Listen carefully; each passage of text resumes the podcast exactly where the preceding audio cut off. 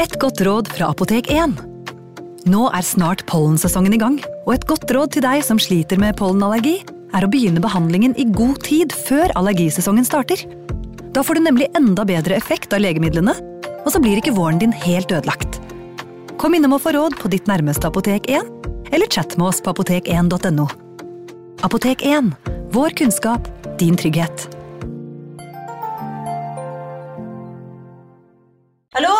Jeg kommer fra Oslo politikammer. Ine Jansen er purk. Er du purk? The motherfucking bitch. Alt jeg vil, er å finne ut hva som skjedde med mannen min. Jon Carew. Er jeg sikta for noe? Iben Akeli. Det er du. Ole So, Lars Berrum og Big Daddy Karsten. Hvem sin side er du på, egentlig? Anette Hoff, Tone Danielsen, Kommer du fra Afrika?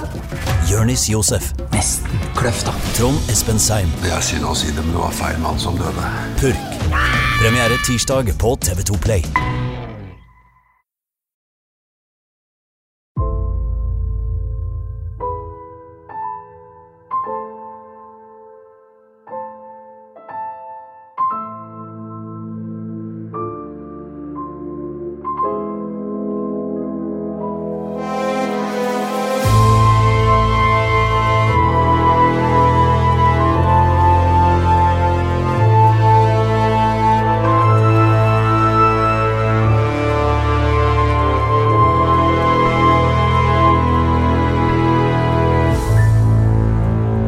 Vi skal til Flekkefjord i, på 1700-tallet, Torgrim. Ja, den eh, inntektsgivende byen for Norge den gangen, det var jo sånn tollstasjon, så Hva vil det, sopte kongen inn penger. hva vil det si, tollstasjon?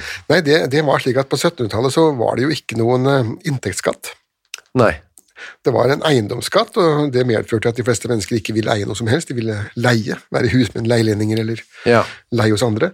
Så statens inntekter besto enten av sølvgruvene i Kongsberg, kobberverket på Røros, eller toll. Hver eneste havn hadde en toller, og det var toll for alt med himmel og jord. Som kom på, altså på båtene. Ja, båtene som kom inn, og alt som kom inn og gikk ut, så skulle det fortolles. Ut òg, ja. Så det var mange flere tollere per innbygger i Norge den gangen enn det Ja. det er nå. Ja, For de skulle ikke sjekke om han hadde smugla med seg noe sprit eller noe sånt? Nei, det skulle betales en avgift for eh, de varene som kom inn, og de varene som gikk ut. Ja, sånn er det jo. Det må man jo fremdeles. Ja da, Men nå er det jo ikke tollerne som sådan som står der og fysisk soper inn penger, da. Men det var det jo før, og mange av de pengene hang jo fast i fingrene deres, og det er jo derfor Bibelen omtaler jo tollere i samme moment som syndere, da, for at det var jo ofte tjuradder og underslagere. Så. De tok litt eh, i- bare rett i lomma. Det var jo veldig vanlig på 1700-tallet å spe på sine magre inntekter med et ekstra knekk. Ja, riktig. Og vi skal, eh, hovedpersonen, eller en av hovedpersonene, de to hovedpersonene, kan vi si da, er jo en eh, toller. Han er en toller, og han kom jo fra en, en slekt av eh, militære, da, denne familien von Koss. Ja, som vi eh, kommer til å Vi kommer til å gi en annen podkastserie som vi Nå røper litt her, da, men som kommer til å bli tilgjengelig på et eller annet tidspunkt. Så er, er vi innom den samme Er det den samme slekten? Dette er den samme familien von Koss, ja, men Ja. Den, du kan si den hadde jo et fantastisk utgangspunkt da, i den gamle, gamle von Koss som slåss rundt uh, Karl 12.s tid. Ja. Så degenererte familien gradvis sånn ledd for ledd da, og endte jo opp som noen rene tullinger, men de, de holdt jo fremdeles fast på uniformen og den militære karrieren. da. Ja, fordi han eh, du nevner der, var jo her på Akershus og sloss slåss mot svenskene. Ja, i, i, i i 17, 1716, da, da Karl 12. skulle forsøke å reise kjerringa ved å Ja. hadde jo da tapt store deler i Øst-Europa, så ville han prøve å vinne igjen Norge, da. Det gikk jo ikke så veldig bra, det heller. Nei. Han døde jo faktisk etter hvert av det. Ja, Men han, de beleiret altså Akershus festning, der hvor vi sitter nå, cirka? Ja, han, han slo opp leir i i Vaterland, Ja. eh, og bodde vel der mens han forsøkte å innta Akershus, men han fikk jo ikke til det, da. Men da ble det altså en von Koss, han stormet ut for å fekte med svenskene, var det det? Ja, rett og slett løper ut i, i, i kuleregnet da, og med, med, med hevet sabel. Ja, for å meie dem ned. Ja, eh, og det var jo ikke spesielt lurt, da, fordi at eh, Karl 12.s armé var jo utstyrt med, med geværer. Ja. Så det å løpe ut i kuleregnet med en sabel, det er jo et spektakulært syn, men det, det fører jo ikke noe særlig med seg, da. Derfor han ble bare skutt rett ned, han. Eh, Det ble han. Det, det som er litt pussig, er jo det at de militære lærte jo absolutt ingenting av det. Så sent som altså 100-150 år senere så var den amerikanske borgerkrigen. Da hørte man en sørstatsgeneral som ropte 'der kommer disse idiotene igjen med disse sablene sine', bare la dem få det. Og så skjøt de dem ned alle sammen. Ja. Selv under første verdenskrig så stilte folk opp med sabler. Hvorfor, hvorfor det? Nei, det var Le Arme Blanche, det var altså da krigsetosen som sto eh, for dem da. Det var de skarpe, de blanke våpen. Ja. Riddertiden, da. Så en ærefull og litt unødvendig måte å dø på, da. Ja, det er jo ikke noe ærefullt ved å dø. Nei. Men det, det tok lang tid før folk skjønte det. Ja.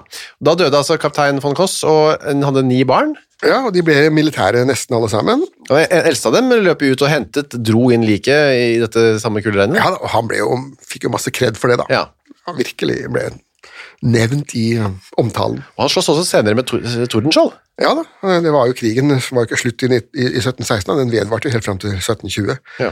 Eh, Så han eh, kjempet sammen med Tordenskjold og endte opp som, eh, som, som oberst. Han skjøt jo flere skudd. Han, han hadde jo blant annet syv barn som han hadde satt på sin egen tjenestepike. Da. Så Ja.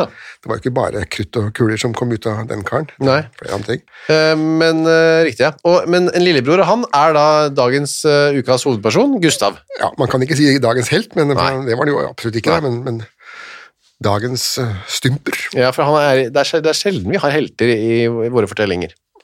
Ja, det er ikke mange av dem. Men det er ikke så mange helter heller. Nei, det er det, da. Mange antihelter. Ja, Gustav Heinrich, og han eh, flytta av en eller annen grunn, det vet vi ikke hvorfor kanskje, men til Flekkefjord. Det var fordi at det var, han, han ville jo ikke bli militære. Alle hans brødre ble jo militære. Mm.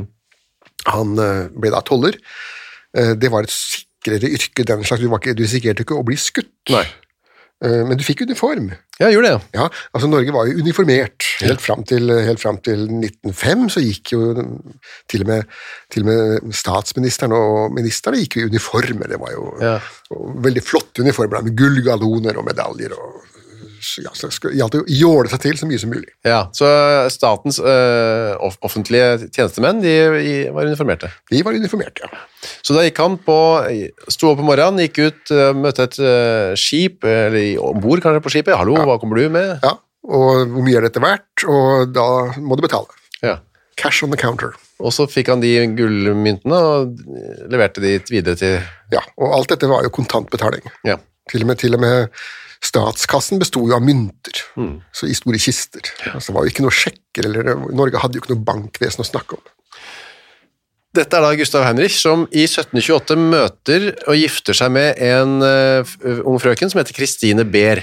Ja, og hun var jo en uh, rik uh, arving, da, datter av en velstående skipper. Dette, var- husk på, dette var ved sørlandskysten, da, hvor skipperne kunne Ja. sope inn penger. Riktig, ja. De giftet seg og fikk et barn, Martha Maria. Ja. Um, Og de fikk flere barn også, men det begynte med den stakkars Martha Maria. da. ja. Stakkars, ja. Ja, um, dette var nok ikke det ultimate oppvekstmiljøet. Nei, for nå, nå tar vi fatt på veien nedover. Og det er da, eh, for det gikk ikke så bra i dette ekteskapet. Nei, det gikk ikke bra i det hele tatt. Um, det er fem barn som kom ut der da, Ja, av Kristine. Ja. ja, ja, og fire av dem overlevde. Ja, det er bra. Det var, ja, den tiden så var jo det nesten eh, oppsiktsvekkende bra da. Ehm, det var jo andre hvor det var, forholdstallet var helt omvendt. Du, du fikk fem barn, og fire av dem døde, for eksempel. Eller. Mm. ja, det kunne skje. Ja da, det skjedde. Eh, men så ble det da ikke bare altså De barna var nå én ting, da, men så begynner da hun eh, å drikke eh, fru Behr, da, eller eks... Ja. Hun begynner da å drikke mer enn noensinne. Ja. Hun har nok eh, vært tørst fra dag én av, men eh, så blir hun tørstere og tørstere, samtidig med at hennes eh, i utgangspunktet ubehagelige personlighet tar også et par tørn i retning av mer ubehagelig personlighet. Ja, Er det da Tenker vi oss at hun en, har noen andre lidelser i tillegg, eller er det bare at hun blir en fyllik, rett og slett? En, hva skal vi si da, et forferdelig menneske, Ja, rett og slett. Som blir En- verre av å drikke? Ja, uappetittlig personlighet. Ja, de fleste av oss, når vi begynner å drikke, så blir vi bare mer av det vi i utgangspunktet er, og hun ble da enda mer av det hun eh, i utgangspunktet var. I tillegg så var hun jo de siste årene her aldri edru, så vi, vi, vi fikk jo på en måte ikke noen Nei. klar oppfatning av hvordan hun kunne ha fungert. Da. For hun drakk jo fra hun sto opp til hun sovnet. Hvorfor drakk hun så fælt, da? Vet du om det? Eh, Den mest logiske forklaringen er at hun var tørst. Eh, Den andre er vel det at av og til så tror jeg at veldig ubehagelige mennesker ser seg i speilet, og så ser de hva et forferdelig dritt de er, og så må de drikke for å glemme det, da. Ja, riktig. Hvilket da gjør dem enda verre, og så neste dag så begynner syklusen på nytt. Ja, så har du det gående. Ja. Barna, stakkar, de var, ble sagt etterpå, da, revne og sledne. Ja, altså hun solgte jo klærne deres Ja. eh, for å få penger til sprit. Hun eh, sendte dem ikke på skolen, for det gadd hun ikke. Hun var som regel allerede da full og god. Og, um, så de barna de ble av og til satt bort til, til andre slektninger og, og venner for å f- i det hele tatt få, få klær. Hun solgte også sine egne klær, kjoler og, og dyna si, og møblementet ble pantsatt. Sin dyne av sengen og sin kjole av sin kropp. Ja, og barna gikk der med, med lus og, og møkkete og ble aldri stelt, altså ren sånn omsorgssvikt, Ja. som man jo fremdeles kan se den dag Ja, ja, i dag jo, jo. hos alkoholiserte foreldre. Og det var ikke noe barnevern på den tiden. Eh, nei, det var ikke noe barnevern. Det, det ble påtalt, og på bygdene så kunne av og til sognepresten eller hans medhjelpere legge ned et lite ord og si Ja. fysj, fysj, nå må du slutte å drikke, men det, det hjalp jo ikke noe, det heller. Nei, Hvis du selger Det kan være et varselsflagg. Hvis, noen, hvis du begynner å selge din egen dyne, så er det et tegn på at du eh, drikker for mye. Det er vel det vi ville kalt for et rødt flagg, ja. Ja. Eh, Så han, hennes mann da, han, eh, han var jo en del av dette her, og denne tolleren, og han hadde da bestemt seg for at hun skulle få 30 daler utbetalt fire ganger i året, de kunne hun bruke på det hun ville. ja.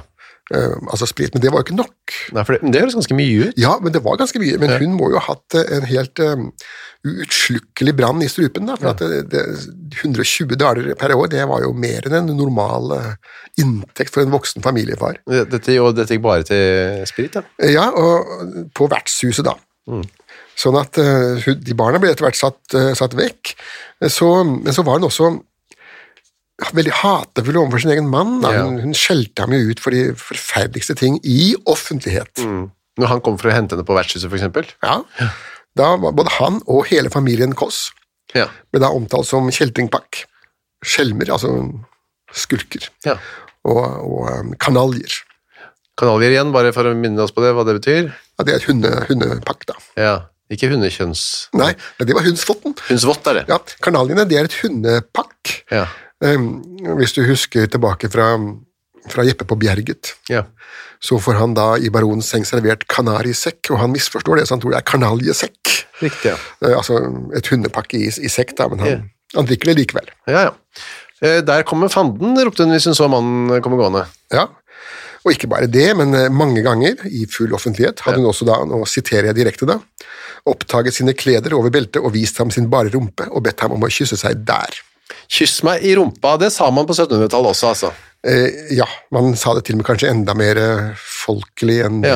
rø røva, eller røven? Eller? ja, Ræva? til og med enda et hakk. Oh, ja. Husk på at alt det vi ser her som er skriftlig, det er da parfymert og sminket av, Ja. eh, synes- av litt fisefine solskrivere. Ordet rumpe var ganske friskt, til å være Hvis det, det var til og med det en parfymering, ja. Ja, det var, det, det var jo absolutt det, men det, det, som sagt, man kan tenke seg at det ble uttrykt enda mer folkelig. Da. Ja, ja, det kan man bare fantasere fritt, da, hvordan det kan, hva det kan ha vært. Men så kalte han for flere ting, da. Ja da, hun, hun eh, tyv, kjeltring og fant og, og forsoren hund. altså Forsoren det betyr altså meneder, da. Altså en som har vitnet falskt. Og så truer hun sin mann at kom nu din hund, så skal jeg bastinere deg. og Bastinada det er da en torturmetode som går ut på at man slår vedkommende med en litt myk kjepp under fotsålene. da. Ja, riktig. Det brukes fremdeles dag i dag i enkelte regimer for å tukte befolkningen. Og, bastin, bli bastinert. Ja. Ja. Det ble vel brukt eh, under militærregimet i, i Hellas i sin tid, og, vel også Pinochet drev med den slags. Ikke han personlig, kanskje, men underordnede. Men det ble vel ikke noe konkret bastinering av tolleren av Kristine her? Eh, nei, det ble ikke det, men han forsøkte jo fortvilt å bli kvitt henne. Ja. Eh, men eh, Altså skilles. ja, rett og slett. Mm. Det var jo to måter å skilles på. Den ene var å bli skilt ved dom, og det andre var at den andre parten døde. da. Ja. Og, og hun hadde jo ikke tenkt til å verken dø eller, eller bli skilt. Altså, man kunne få oppløst ekteskapet sitt uh, for en hvilken som helst grunn. Men hvis man ikke gjorde det av en av de tre grunnene som var fastsatt i loven, så fikk man ikke gifte seg igjen. Nei, så det ble en slags ikke fullstendig skilsmisse, på en måte? Nei, Det blir sånn som i katolske land, der kan man også skilles, Ja. men man kan ikke gifte seg på nytt. Eh, Iallfall ikke med kirkens eh, velsignelse. Nei. Og den ene, de tre grunnene som man kunne ha, det var da eh, at man hadde desertering, at den ene parten forsvant og var borte i mer enn seks år. Og så var det impotens, altså hvis den ene parten rett og slett ikke fikk til å ha noe seksuelt samvær. Eh, Og den tredje var da hor, altså utroskap. Ja. Hvis det var noe av det, hvis bare rett og slett ektefellen din var et uh, Fyllespetakkel. ja, eh, eller et uh, humant anus, Ja. så, um, så fikk man ikke skilsmisse og kunne ikke ja gifte seg igjen. Men han klarte å få han av gårde til København. Ja, han fikk henne iallfall vekk. Mm. Det, var ikke, det var ikke dårlig, bare det, altså.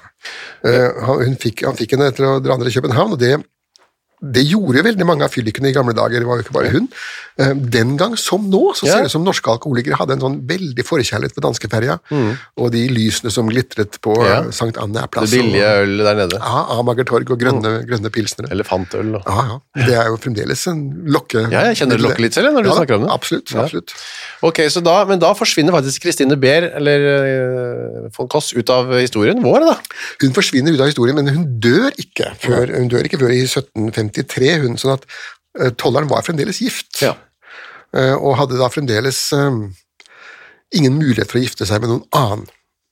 Det han hadde, får vi anta, var en kjønnsdrift i behold, Ja, og etter hvert en ny dame inne i sitt bilde. en ny dame i sitt bilde, og nå kommer da det litt pussige, Ja. at nå har han altså da blitt kvitt en dame med litt mer futt i, i serken enn det andre, Ja. så finner han seg da altså en ny av samme slag, ser det ut for. Ja. Det er litt sånn weird, det sier jo litt om hans Det sies at det er mange damer som liker bad boys, men det her ha en mann som liker bad girls, da. ja. tydeligvis. Det, og det var jo litt girl eh, Hun var i hvert fall litt yngre enn det ekskona hans var, da. Ja, yngre og fattigere. Ja. Like ung som dattera si, Ja. faktisk. Guri Taraldsdatter. Um, Fra Øvstefjellså. Øvstefjellså, ja. Som er en liten gård uh, utenfor um, Flekkefjord. Ja, rett utenfor uh, Flekkefjord. Det er mulig at den er nå blitt sugd opp i, i selve Flekkefjord byanlegg. Ja, men jeg har sett, jeg googlet litt, det er noe som heter Øvstefjellså uh, gård fremdeles. Det er en sånn opplevelsesgård, man kan reise ut og Ja, ja, ja, så får ta med barna. Ja. Uten Det å, kan du tenke på, uten å tenke på hva som har foregått der, Ja, selvsagt. ikke tenk på det. Uansett, hun kommer inn og er en slags Hvordan kommer hun inn i livet til uh... Det var nok som en sånn husholdersk eller Ja. barnepike, hjelpe, hjelpende hånd i huset, i og med Ja. at han nå ikke hadde noen kone, og heller ikke kunne få noen kone før den københavneren døde, da. Det sies om henne at hun var mer vill og dristig ut i sin talemåte enn andre, både i henseende til grovhet, så var hun også meget lystig og kåt. Ja. Mer, mer enn andre i alminnelighet. Ja, og det var ikke komplimenter eh, den gangen. Ikke det, nei. Nei, det, altså det å være lystig og kåt, det ble ikke sett på som, eh, som positivt. Altså, ulystig skulle man være heller sånn deprimert og Eh, De virkelige godordene du kunne få, det var stille og rolig. Ja, riktig. Eh, Av og til så kunne også ordet enfoldig bli brukt som et rosord. Ja, at man gjorde lite av seg, på en Ja, måte. Det gjaldt å, å holde en lav profil. Ja, men det er jo litt jantelovaktig, da. Vi. Veldig. Ja, ja. veldig. Og, eh, man husker på at Janteloven ble jo skrevet av en dansk forfatter som så flyttet til Norge fra. Ja. Muligens kjente seg litt mer igjen, da. Hvor Herre gjorde ikke vel. Det sier, dette sier hun eh, senere, da, eller på den tiden, men det blir sitert senere. Hvor Herre gjorde ikke vel den tid han skapte mennesket, så som de ikke kunne ha skapt til at synde og gjøre ugudelighet. Ja, og det var jo ikke noe som befolkningen på Sørlandet likte å høre, da. De Nei. var jo eh, omtrent like snevre der som da som nå. Eh, Det var jo den bløde kyststripen, dette her. Han var ikke smart når lagde Mennesket sier, altså. Nei, for, fordi at eh, mennesket var skapt til å synde, og det er igjen en refleksjon av hennes egen, eh, tror jeg da, hennes egen, egne litt høyere kjønnsdrift enn det som vel var standard for unge jenter på, på 1700-tallet på Ja. Sørlandet. Hun var på en måte, kjente driften for å synde, eller mot å trukket Ja, hun kjente driften til å synde, og, og hun må nok ha stått for eh, herr tolleren som et, hvis jeg kan få bruke uttrykket, lett bytte. Ja. Og det gikk da som det måtte gå, eller som det ofte går i våre historier i hvert fall. Ja. Hun ble med barn. Ja da. Ingen prevensjon og ingen eh, abort. Nei. Og, og kjønnsdriften var vel muligens høyere enn den er i dag. Å, sier du det? Uh, ja, altså veldig mange kvinner i fruktbar alder de bruker jo p-piller da, Ja. i dag, og det reduserer jo kjønnsdriften en del. Ja, det. Um, samtidig så, så på 1700-tallet så hadde de jo ikke verken internett eller aviser eller TV, de kunne ikke sette på Dagsrevyen eller, eller Netflix eller HBO, de, de, de, de satt bare og så på hverandre, da. Ja. Og så gikk flammen i peisen ut, og så hva skulle de gjøre? Ja, hva skulle de gjøre? Ja, og det var det de gjorde, og hun ble gravid, og 1753, altså 12. januar 1753, går eh, Guri ned i fjøset og føder en gutt. Ja, Og det hun, hun forklarte jo senere hvordan den fødselen hadde foregått. Den eh, gikk rimelig greit for seg, og så eh, ble det en gutt. Han Ja. var levende, og han skrek, sånn som jo nyfødte barn Skal gjøre. gjør. Og da, ja, og da tok hun barnet da den venstre hånden, holdt ham for munnen, og så kverket hun ham under halsen da, med, den, eh, med den høyre. da. Eh, Her definerer jo sorenskriveren også på en veldig framifrå måte hva man mener med ordet kverke, nemlig da tommeltotten eh, på venstre side av strupehodet og den andre fingeren på høyre, og så bare klemmer man til da, og nærmest knuser Ja halsen. Veldig lett gjenkjennelig i våre dager, at da oppstår det en helt spesiell form for brudd i tungebenet som ikke skyldes noe annet. Jeg får litt sånn pustenød bare du snakker om det. Eh, Ja, men det fikk jo det barnet også, da. Ja. Men det hjalp ikke. Den pustenøden ble ikke nok til å Så hun eh, fikk ikke tatt livet av ham på den måten der, så begynner hun da å dælje løs på han, og til slutt så må hun ta en tau, da. og- strupe ham, da. Struping det er hvis du tar et tau rundt halsen, men Ja. ikke henger, bare drar. Det kalles for- Stramme rundt, ja. Ja, kalles for struping. Og da dør eh, barnet. Ja, det, det pleier å gjøre susen, det, altså. Dette skal vi bare bite oss merke. Dette er hennes egne ord. Vi har Ja. ikke noen vitner på dette, og det er sånn hun forteller det, dette skal ha skjedd, da. Absolutt. Ja. Så, um, som hun da eh, gjør, litt overraskende kanskje for oss i våre dager, hun går ikke ut med det eller kaster det eller gjør andre sånne type ting. Hun syr det inn i noe seilduk og lar det eh, ligge på Ja, Ja, og det er jo litt sånn eh, pussig av en, en bondejente som, som burde jo vite det at hvis du lar et eller annet dødt lik ligge lenge nok, så begynner det å stinke. Det, det, Ja. du, kan, du kan ikke skjule det, og derfor man graver ned lik, og ikke bare lar dem ligge på, i parken. Ja, det er flere, det kommer om ikke så lenge heller, altså i tillegg til henne, som gjør akkurat det samme, som nekter å liksom kvitte seg med det, men bare beholde liket da, øh, på høyloftet. Men øh, det ble jo ikke liggende så lenge. Nei da, det, det, det blir jo ikke det. Eh, poenget var at hun, eh, hun ble nå syk. Ja, Og, og dette er også noe som vi skal eh, møte flere ganger i løpet av de neste månedene, årene. eh, at når 1700-tallets mennesker ble syke og trodde at nå kom de til å dø, ja, så var det veldig viktig for dem å få tømt sine synder ut. ja riktig. Da skulle det bekjennes. Man kunne ikke gå uskriftet til eh, paradiset. Da havnet man på et annet sted. Men hva slags sykdom øh, var det hun fikk? Eh, Det ble jo beskrevet som, eh, som paraksysmer, altså kramper. da. Så bruker man også uttrykket begavning, eh, og det var et sånn mm, Epilepsi, hadde vi sagt i våre dager. Hun fikk anfall, rett og slett. Hun fikk noe slags anfall, ja. Eh, Men hva slags anfall det var, eh, vet vi ikke, fordi det er ikke beskrevet om dette var ordentlig epilepsi, eller om det var eh, rett og slett bare eh, psykogene kramper, at den var i ferd med å bli mentalt såpass derangert, og da kan man også begynne å få sånne juksekramper, eller Ja. liksom-kramper, hysteriske kramper, ville vi da sagt. da. Riktig, ja. Så det vet vi ikke helt om hvor på en måte, reelle de krampene var. Nei, enda man, man visste litt om det mm, den gangen også. For eksempel på, på slutten av 1600-tallet så var det en jente Ukas annonsør er Cura of Sweden. Visste du at verdens søvndag feires den 15. mars? Nei. Det er en dag som er til for å skape oppmerksomhet rundt dette med søvn. Da. Og så er det en god anledning til å tenke over dette med egne søvnvaner. Jeg er jo veldig glad i å sove, jeg er så glad i å tenke på å sove, og så veldig glad i å glede meg til å legge meg. Jeg så på Squid Game med familien her eh, rundt juletider. Der legger jo deltakerne seg eh, hver kveld da, i sengene sine, og da, det kunne jeg nesten synes var høydepunktet av Squid Game, var når deltakerne la seg. Jeg synes det så så deilig ut å legge seg. Nå hadde ikke de kura of Sweden vektdyner, da, riktig nok, eh, som hadde gjort det enda bedre. Det er en ny studie nå fra Uppsala universitet som viser at vektdyne, bruken av det, øker melatoninnivået hos friske unge voksne eh, når de legger seg. Da. Og melatonin det utskilles for å fortelle kroppen at det er på tide å sove, og så kan det bidra til å øke trøttheten. Da. Med andre ord, har du en vektdyne fra Cura of Sweden, så får du mer melatonin og enda bedre søvn. Da. I tillegg til vektdyner og tepper, så har Cura også andre produkter som skal gjøre søvnkvaliteten vår bedre, blant annet AirTemp-madrassen de har, som hjelper til med å regulere kroppstemperaturen. Altså, det er så mye å boltre seg for oss som er glad i å sove. Og fram til 15. mars så feirer Cura verdens søvndag med opptil 60% rabatt på curaofsweden.no, og bruker du koden vår HENRETT med to t-er, får du i tillegg 25% avslag på både originale og nedsatte priser. Sov godt! Ukas annonsør er Next Story. På Next Story så finner du hundretusenvis av e-bøker og lydbøker. Du finner folk som jeg har uh, intervjuet og snakket med, og liker bøkene til. Agnes Ravatn, hennes siste bok. Gjesten er der. Nina Lykke, sin siste bok. Vi er ikke her for å ha det morsomt, er der. Og så er det jo det er krim, biografier, essays, uh, romantikk, savnhistorier, barnebøker, faktabøker, spenningsbøker, science fiction Alt mulig du kan tenke deg. Og også bok av uh, Torgrim Sørnes.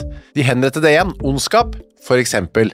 Det er da uh, Torgrims gjennomgang av en del av sakene fra 1800-tallet, som endte da med halshugging, da, som de gjerne gjorde.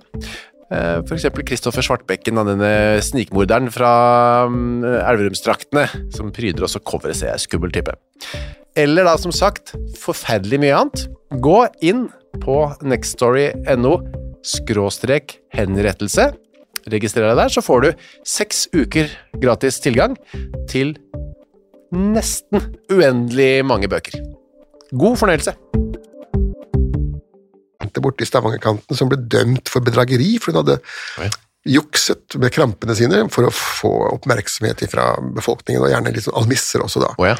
Ja, så Det var ren simulering, ble det oppdaget, og da, da ble hun faktisk straffet for det. da. Så Det skal man ikke gjøre. Nei, da, man, man kjente til at det gikk an å, å jukse. ja. Man besvimte jo for et godt ord på den tiden også. Det Ja, det dånte, som det het. dånt, ja.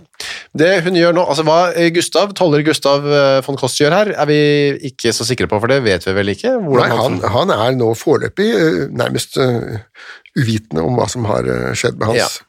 Eller iallfall hevder han det, da. Han er ute for toller og koser seg. Ja da, og, og, men han har nok kost seg for siste gang i denne anledningen da, med, med dette mennesket. Ja, med Guri, ja. ja. Ja. Guri hun, eh, hun skrifter nå. Ja, hun går til sognepresten Ja, og legger alle, Skanke, ja. alle kort på bordet. Absolutt. Og Det skal egentlig i utgangspunktet være hemmelig, da. ja det er skriftemålet, og det var ifølge kirkeordningen eh, Det var hellig. Man hadde ikke lov til å fortelle det, men som du kanskje husker eh, fra hun Kishide Smith, da, så, Ja. så da hadde man jo satt en annen person bak døra for å avlytte skriftemålet, da, så det var mange måter å, Ja. å finne ut at dette var veldig kreative, disse prestene, de, de sannheten skulle fram. Så de hadde en uh, mistanke her kommer det noe som kan kanskje være greit å fortelle videre, så da setter jeg en person til Ja. å høre. For eksempel min prestens medhjelper, klokkeren, kunne være der, han hadde ikke noe taushetsplikt i det hele tatt. Så da uh, går rett og slett um, Søren Skanke, han eh, presten, videre og sladrer, sladrer til fogden. Ja, herr Tostrup. Ja. Uh, Det, har ikke noe med Tostrup-kjelleren å gjøre, da, nei. bare, for, bare for den som lurer på det. Da. Ja. Veldig, veldig langt ute, da. Ja. Langt, langt, langt ute i så tilfelle. Dette er en annen Altså, Alle Tostrupene kommer jo fra Tostrup, eh, det er jo i- by på i Kielland. Ja. Men eh, som sagt, eh, lenken fra denne fogden til, til restauranten er svært lang. Den er lang, ja. Greit, men han, fogden, sender av gårde sin uh, lensmann, Ja. Lars, Lars Rasmussen, Ja. og uh, arresterer Guri, da. Ja, han hadde jo ikke noe valg. altså Her var det jo en tilståelse av en alvorlig forbrytelse som det var dødsstraff på. så det Ja, og De finner også dette fosteret som ligger da innpakket i seilduk. Ja, så det, det var et foster. Det har man funnet det det ble kalt for corpus delicti. Forbrytelsens gjenstand. Uh, og det, det var veldig viktig å ha en sånn gjenstand. Ellers så kunne man jo tro at hun hadde bare funnet på hele greia. Ja. Så da uh, var det uh, Først skulle man telle etter hva Guri eide. Ja, og det var altså da, for å si det rett ut, så å si ingenting. Nei. Det var sengetøy, så kjøkkenutstyr og sånt. Og så en bok, da. Ja. Den boken var De falnes trøst. Den boken prøvde jeg å google for å se se om den fins på, Nasjonalbiblioteket. eller på ark.no. Ja. Det gjorde den ikke. Nei, jeg tror, jeg tror man må vel på antikvariat.nett Ja. Eh, for å finne noe, noe lignende. Hva, er det, hva slags bok var det? Vet vi Ja, dette er en sånn eh, religiøs eh, oppbyggelse, da. Ja. Slik at Sånn trøstebok som Det var veldig mange av dem. Som man kunne da ha for å lese i hvis man syntes at livet var for tungt. Og, Den kunne jo være veldig, komme veldig til nytte nå, da. ja, altså en selvhjelpsbok, det har vi jo fremdeles, men nå er det jo litt, litt annet innhold i dem. da. Nå er det mer at du kan spise sunt og, Ja. Og, og tenke positivt, men den gangen så var det sånn at man skulle henvende seg til Gud, og Hold ut, det Hold kommer ut. en himmel etter dette. belønningen er etterpå. Eh, Sju daler, tre ort og én shilling var dette verdt. Det Ja, sammen. for rubbel og bit. Ja, Alt hun eide og hadde. Det var jo ikke store formuen, nei. Nei, Til gjengjeld så hadde hun heller ikke noen gjeld.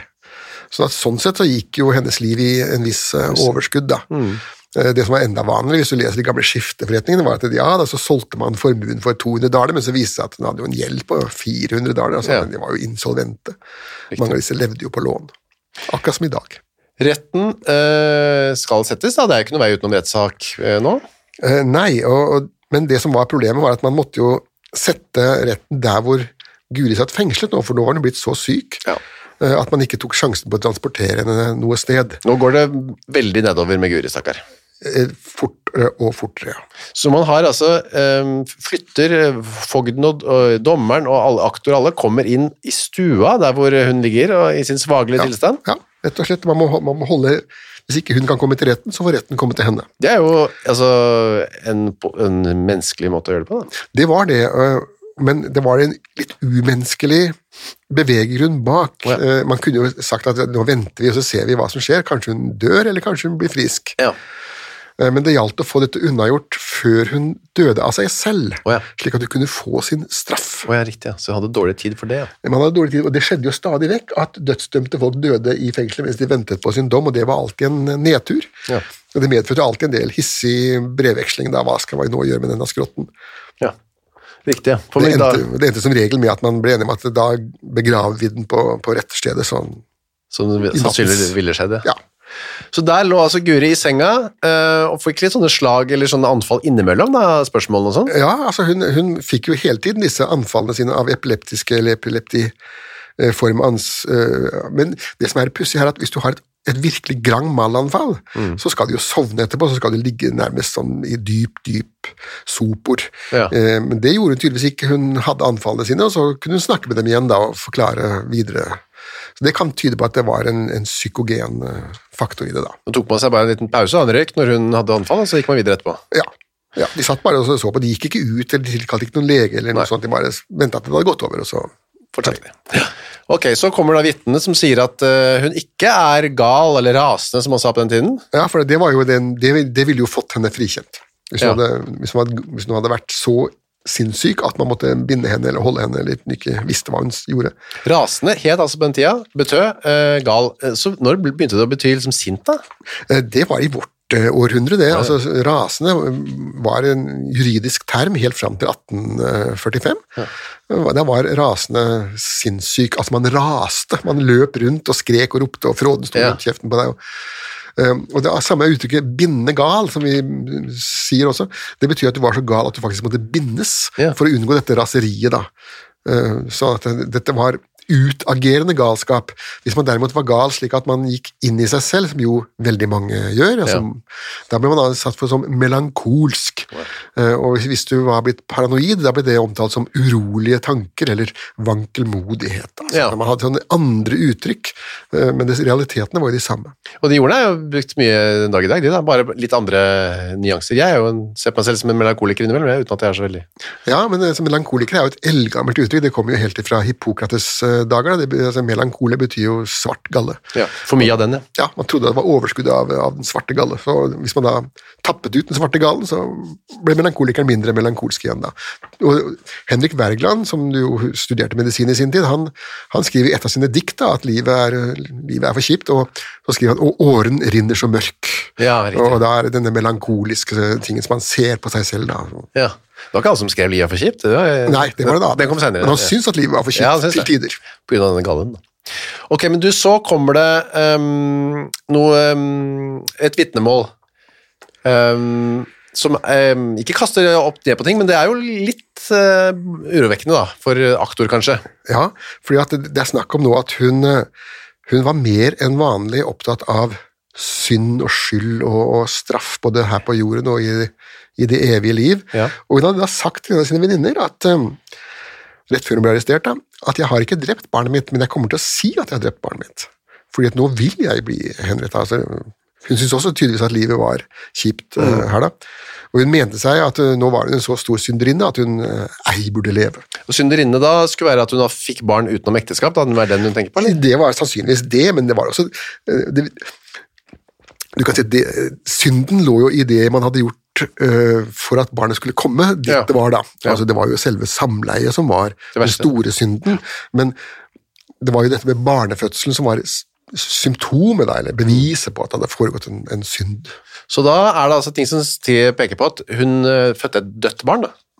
Det kan det godt tenkes at det var. Um, hun har iallfall sagt selv at hun, hun jeg vil ta på meg barnet, osv. Og, når man da ser på barneliket, så er det ingen tegn på denne volden som Guri hevder da. Det er ikke et eneste merke, Nei. ikke et blåmerke. Og du kan si at det å legge en snor rundt halsen på folk og kvele dem på den måten, det er det skal sette spor. Da får du en snørefure som er veldig lett å se, og på 1700-tallet som også var lett å se. Og en kverking med, med, med hånd setter da fem merker, fingermerker, blåmerker. Så dette burde vært sett hvis hun hadde gjort det hun sa. Men hun selv påstår da og hevder hardnakket på at jeg Jo da, det, jo da jeg gjorde det. Ja, for nå, nå er hun så lei av eh, Flekkefjord og livet på denne jord at nå vil hun over på en, i en annen tilværelse. Men hva sier aktor til dette, da? Nei, hva, hva, hva skal han nå si? Eh, han har i grunnen ikke så veldig mye å si, annet enn til å få disse vit- vitnene frem, da, Ja. eh, og forsøke å få dette dokumentert. Så beordrer han da Han kunne ha beordret en, en obduksjon, men det, det ble ikke gjort. Nei. Barnet ble ikke obdusert, det ble bare gjort en besiktigelse, et liksyn, da. Sånn at eh, til slutt så ender jo dette opp med at hun eh, er blitt såpass bra av sine kramper at hun kan dømmes. Så man tror på Guri, da. Eh, man velger å tro på henne iallfall.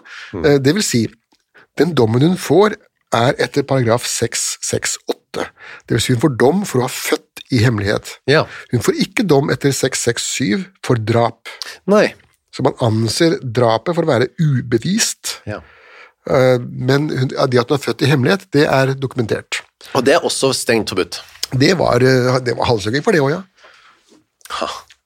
Men hva hvis barnet hadde levd opp? Hadde hun fremdeles blitt halshugget Nei, for det? Nei, hvis barnet hadde levd opp, så hadde hun måttet betale seks daler i leiemålsbøter, og så ferdig med den saken. Ja, ja, Okay, altså, så- Offentlig skrift, der hun måtte stå foran hele menigheten og si at eh, 'jeg har pult'. Ja. Det skal vi komme tilbake til en som må, om et par uker. Mm. Riktig. Og da er eh, dommen rett og slett eh, døden med, ved halshugging? Ved økse, ja. Og så hodet på, på stake, da. Men så, så blir jo saken appellert, Ja. eh, og i lagtinget, da, i neste instans, der er det litt mer eh, skarpskodde jurister ute og går. Eh, Og der er det spesielt hennes nye forsvarer da, som sier at det er ingen sammenheng mellom det hun forklarer, og det vi har sett på dette, dette barneriket. Det, det, det stemmer ikke med hverandre. Sånn at det han mener nå, det er at hun er såkalt kjed av livet. Lei av livet. Ja, og det var et sånt stikkord. Kjed av livet, det var et stikkord for at da skulle de da ikke dømmes til, til eh, døden sånn helt uten videre. Da skulle Ja, de gjøre noe annet. Så da skjønner man at det var et eh, selvmords... Ja, At man forsøker å gjøre selvmord ved hjelp av eh, skarpretteren. I tillegg da, så kommer da denne forsvareren han og tar den, tar den litt av. Ja. Altså, det er ikke noe bevis for at hun i det hele tatt verken har født eller har vært gravid. Man har funnet et barnelik, ja det er der, og så har man funnet en dame der, men han har, det er ikke noen sammenheng, ingen som har sett at hun har født noe, eller eh, så videre da. Så det, hele den tilståelsen er bare et falsum. Men Ja. der gikk jo prokurator Arnerup litt for langt. Da. Det, det var jo å strekke troskyldigheten til dommerne litt for, eh, for langt. Men han var jo en ung mann, da. Guri skriver selv da, til dommeren. Ja, Eh, ja hun gjør eh, det. ja, hun eh, Hun er fornøyd med straffen. Ja, Hun har gjort det, hun har gjort det for medelst et av Satan forherdet sinn, sier hun. Absolutt. Og, og min misgjerningsgrovhet, eh, mener hun, det er helt åpenbar. Det er liksom ingenting å trekke fra, og ingenting å legge til. Du har bare to ønsker. Ja, og det ene er det vanlige standardønsket som alle disse damene kom med, nemlig at vi ville begraves i, i kirkegården. Mm. Hun hadde det som hun skriver, hun har det håp å dø i tro på Jesus, og da, eh, og da sa hun, det, det spilte ikke noen rolle hvor hun ble begravd hen, det visste hun jo, hun skjønte det, hun såpass opplyst var hun blitt, at, eh, at eh, som skriver at jorderikes dommer finner oss alle på den ytterste dommens dag. Ja, Så for meg er det ikke så farlig hvor jeg ligger. Nei, men slektningene vil gjerne ha en grav å gå Ja. til, altså, i den grad de ville det. det men i alle fall, det hjalp ingenting i noe av dette her. Og så Det første var at hun kunne henrettes der hvor mordet var blitt begått. da. Ja, ja. Hvorfor ville hun det, egentlig? Eh, ja, det kan du godt spørre. Det hun ikke ville, var å havne på det offentlige retterstedet. Det var jo en skam. eh, Det var en skam, også, da. Eh, Mye bedre å få gjort dette litt diskré. Altså, veldig mange av disse menneskene som ble henrettet, de hadde en sånn litt pussig syn på dette med ære og minne og så videre.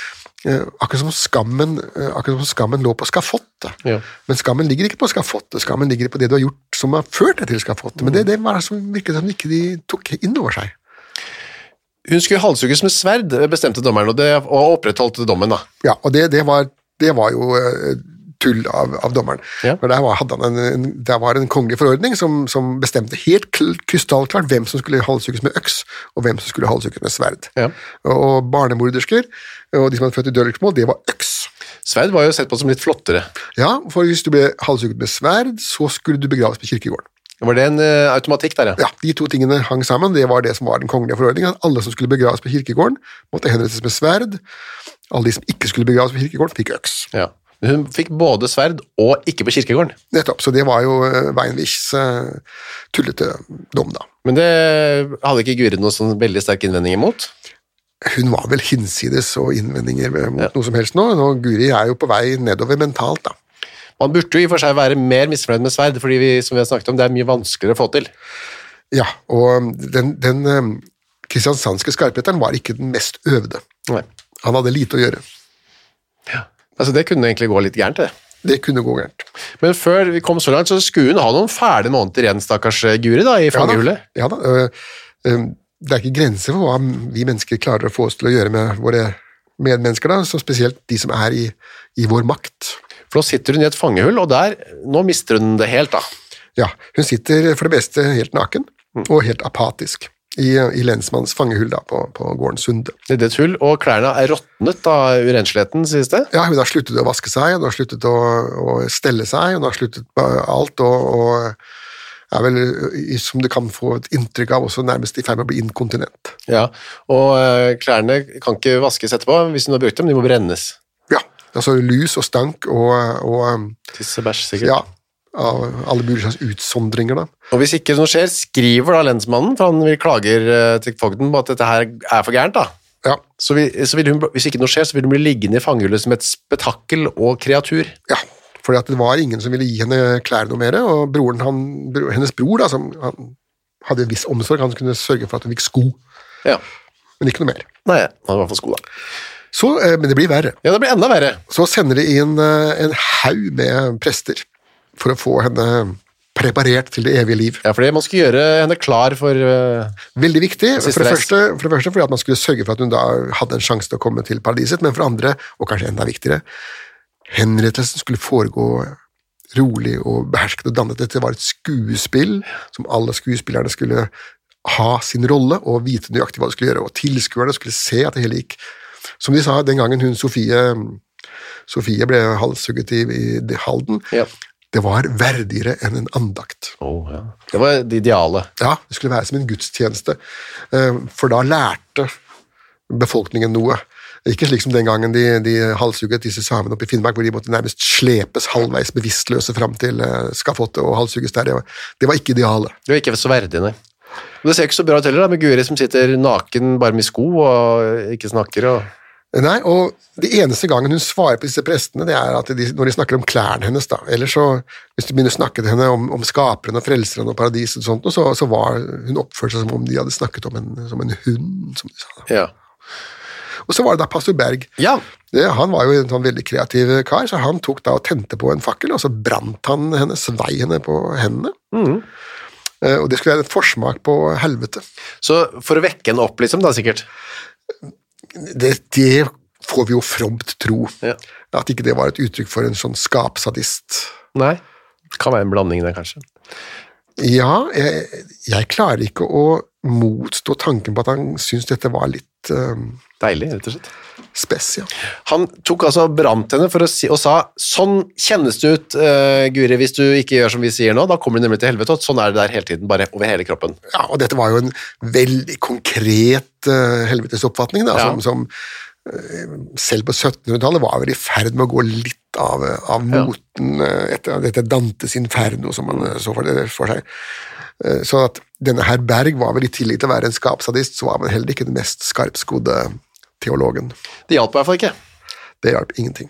Så, um, så gikk tiden da, og 18. januar 1754 så var det heldigvis på en måte slutt. Ja, eh, der sitter hun da, naken og lusete og med brannsår på begge hender, og Og sko på beina da. ja, fra hennes bror, ja. Eh, og så eh, blir hun da fraktet ned til et sted som heter Kjørvågstrand, da. Men da vet vi ikke hvordan hun var i formen da. Det som har skjedd, var at hun Prestene hadde skrevet en erklæring om at vi kommer ikke lenger. Nei, Altså, Det er ikke noe å hente her. vi må bare bli ferdig med det. Ja. Mm. Vi kan holde på i, i måneder og, og år, men den, intet skjer. Så da ble hun slept. Vi får anta at hun er ganske apatisk der også da, men Sannsynligvis. sannsynligvis. Altså, hun, hun ble vel i all hast kledd på anstendige klær og så bare kjørt av gårde i en, i en kjerre. Kjørsvågstrand, ja, utenfor uh, sentrum der på Flekkefjord. Ja. Og der måtte hun da stå på knærne. Ja da, det var det. Hun ble faktisk henrettet med sverd, og det var jo han eh, Hoffmann da, som Stakkar. Jeg må si sånn stakkar med han òg, da. eh, Som vedla en sånn spesifisert regning. Han skulle ha 15 dager for dette her. Ja. Han hadde jo egentlig søkt på jobben i Trondheim, han. Eh, Men han ble da utkonkurrert av, av Ølstein. Mm. Så fikk han jobben i Kristiansand istedenfor, som jo var en av de dårligst betalte Ja. eh, i Norge, da, iallfall sør for, sør for eh, Helgelandskysten. Så etter en ganske kort periode der, så rømte jo han da fra hele landet og fikk seg en meget fet jobb eh, i Altona, Ja. Hamburg. Som eh, skarpetter der òg, da. Skarpeter der også, ja. men det eh, altså, Haldona var jo en svær by. Det var jo, det var jo Danmark-Norges største eller fremste kystby den gangen. da.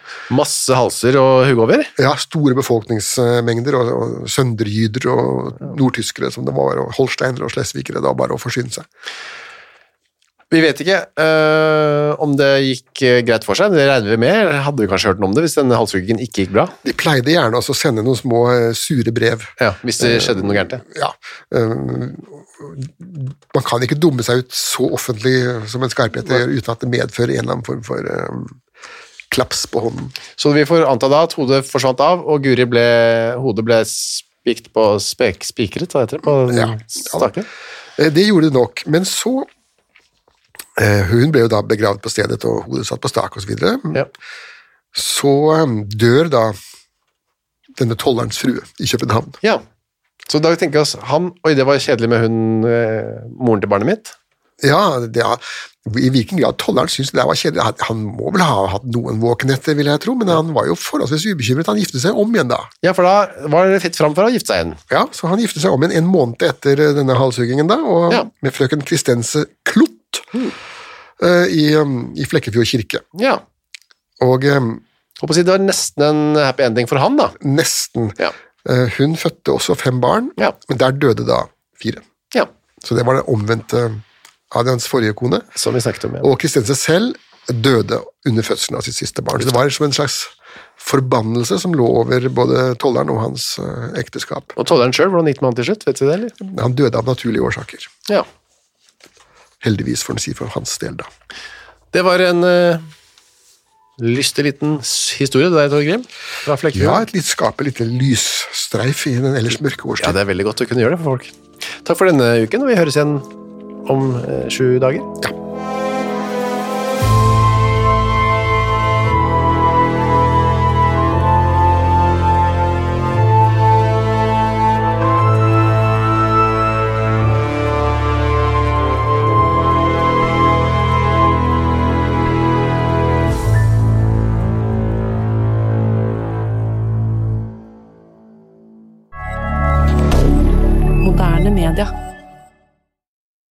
Har du et enkeltpersonforetak eller en liten bedrift?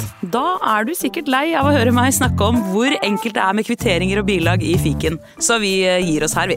Fordi vi liker enkelt. Fiken superenkelt regnskap. Hei, takk for at du hører på Henrettelsespodden. Skulle du ønske at du kunne høre en ny episode av denne podkasten hver eneste uke? Ja, da er det bare å laste ned podkastappen Untold med en gang. I tillegg til at du får da Henrettelsespodden en gang i uka, så får du andre ukentlige podkaster som Historiepodden, True Crime-podden og Gangsterpodden, for å nevne noe. I tillegg til masse annet reklamefritt og eksklusivt innhold, blant annet noen godbiter, da, signert Torgrim og meg. Last ned Untold i AppStore eller på Google Play, og start din 30 dagers gratis prøveperiode i dag.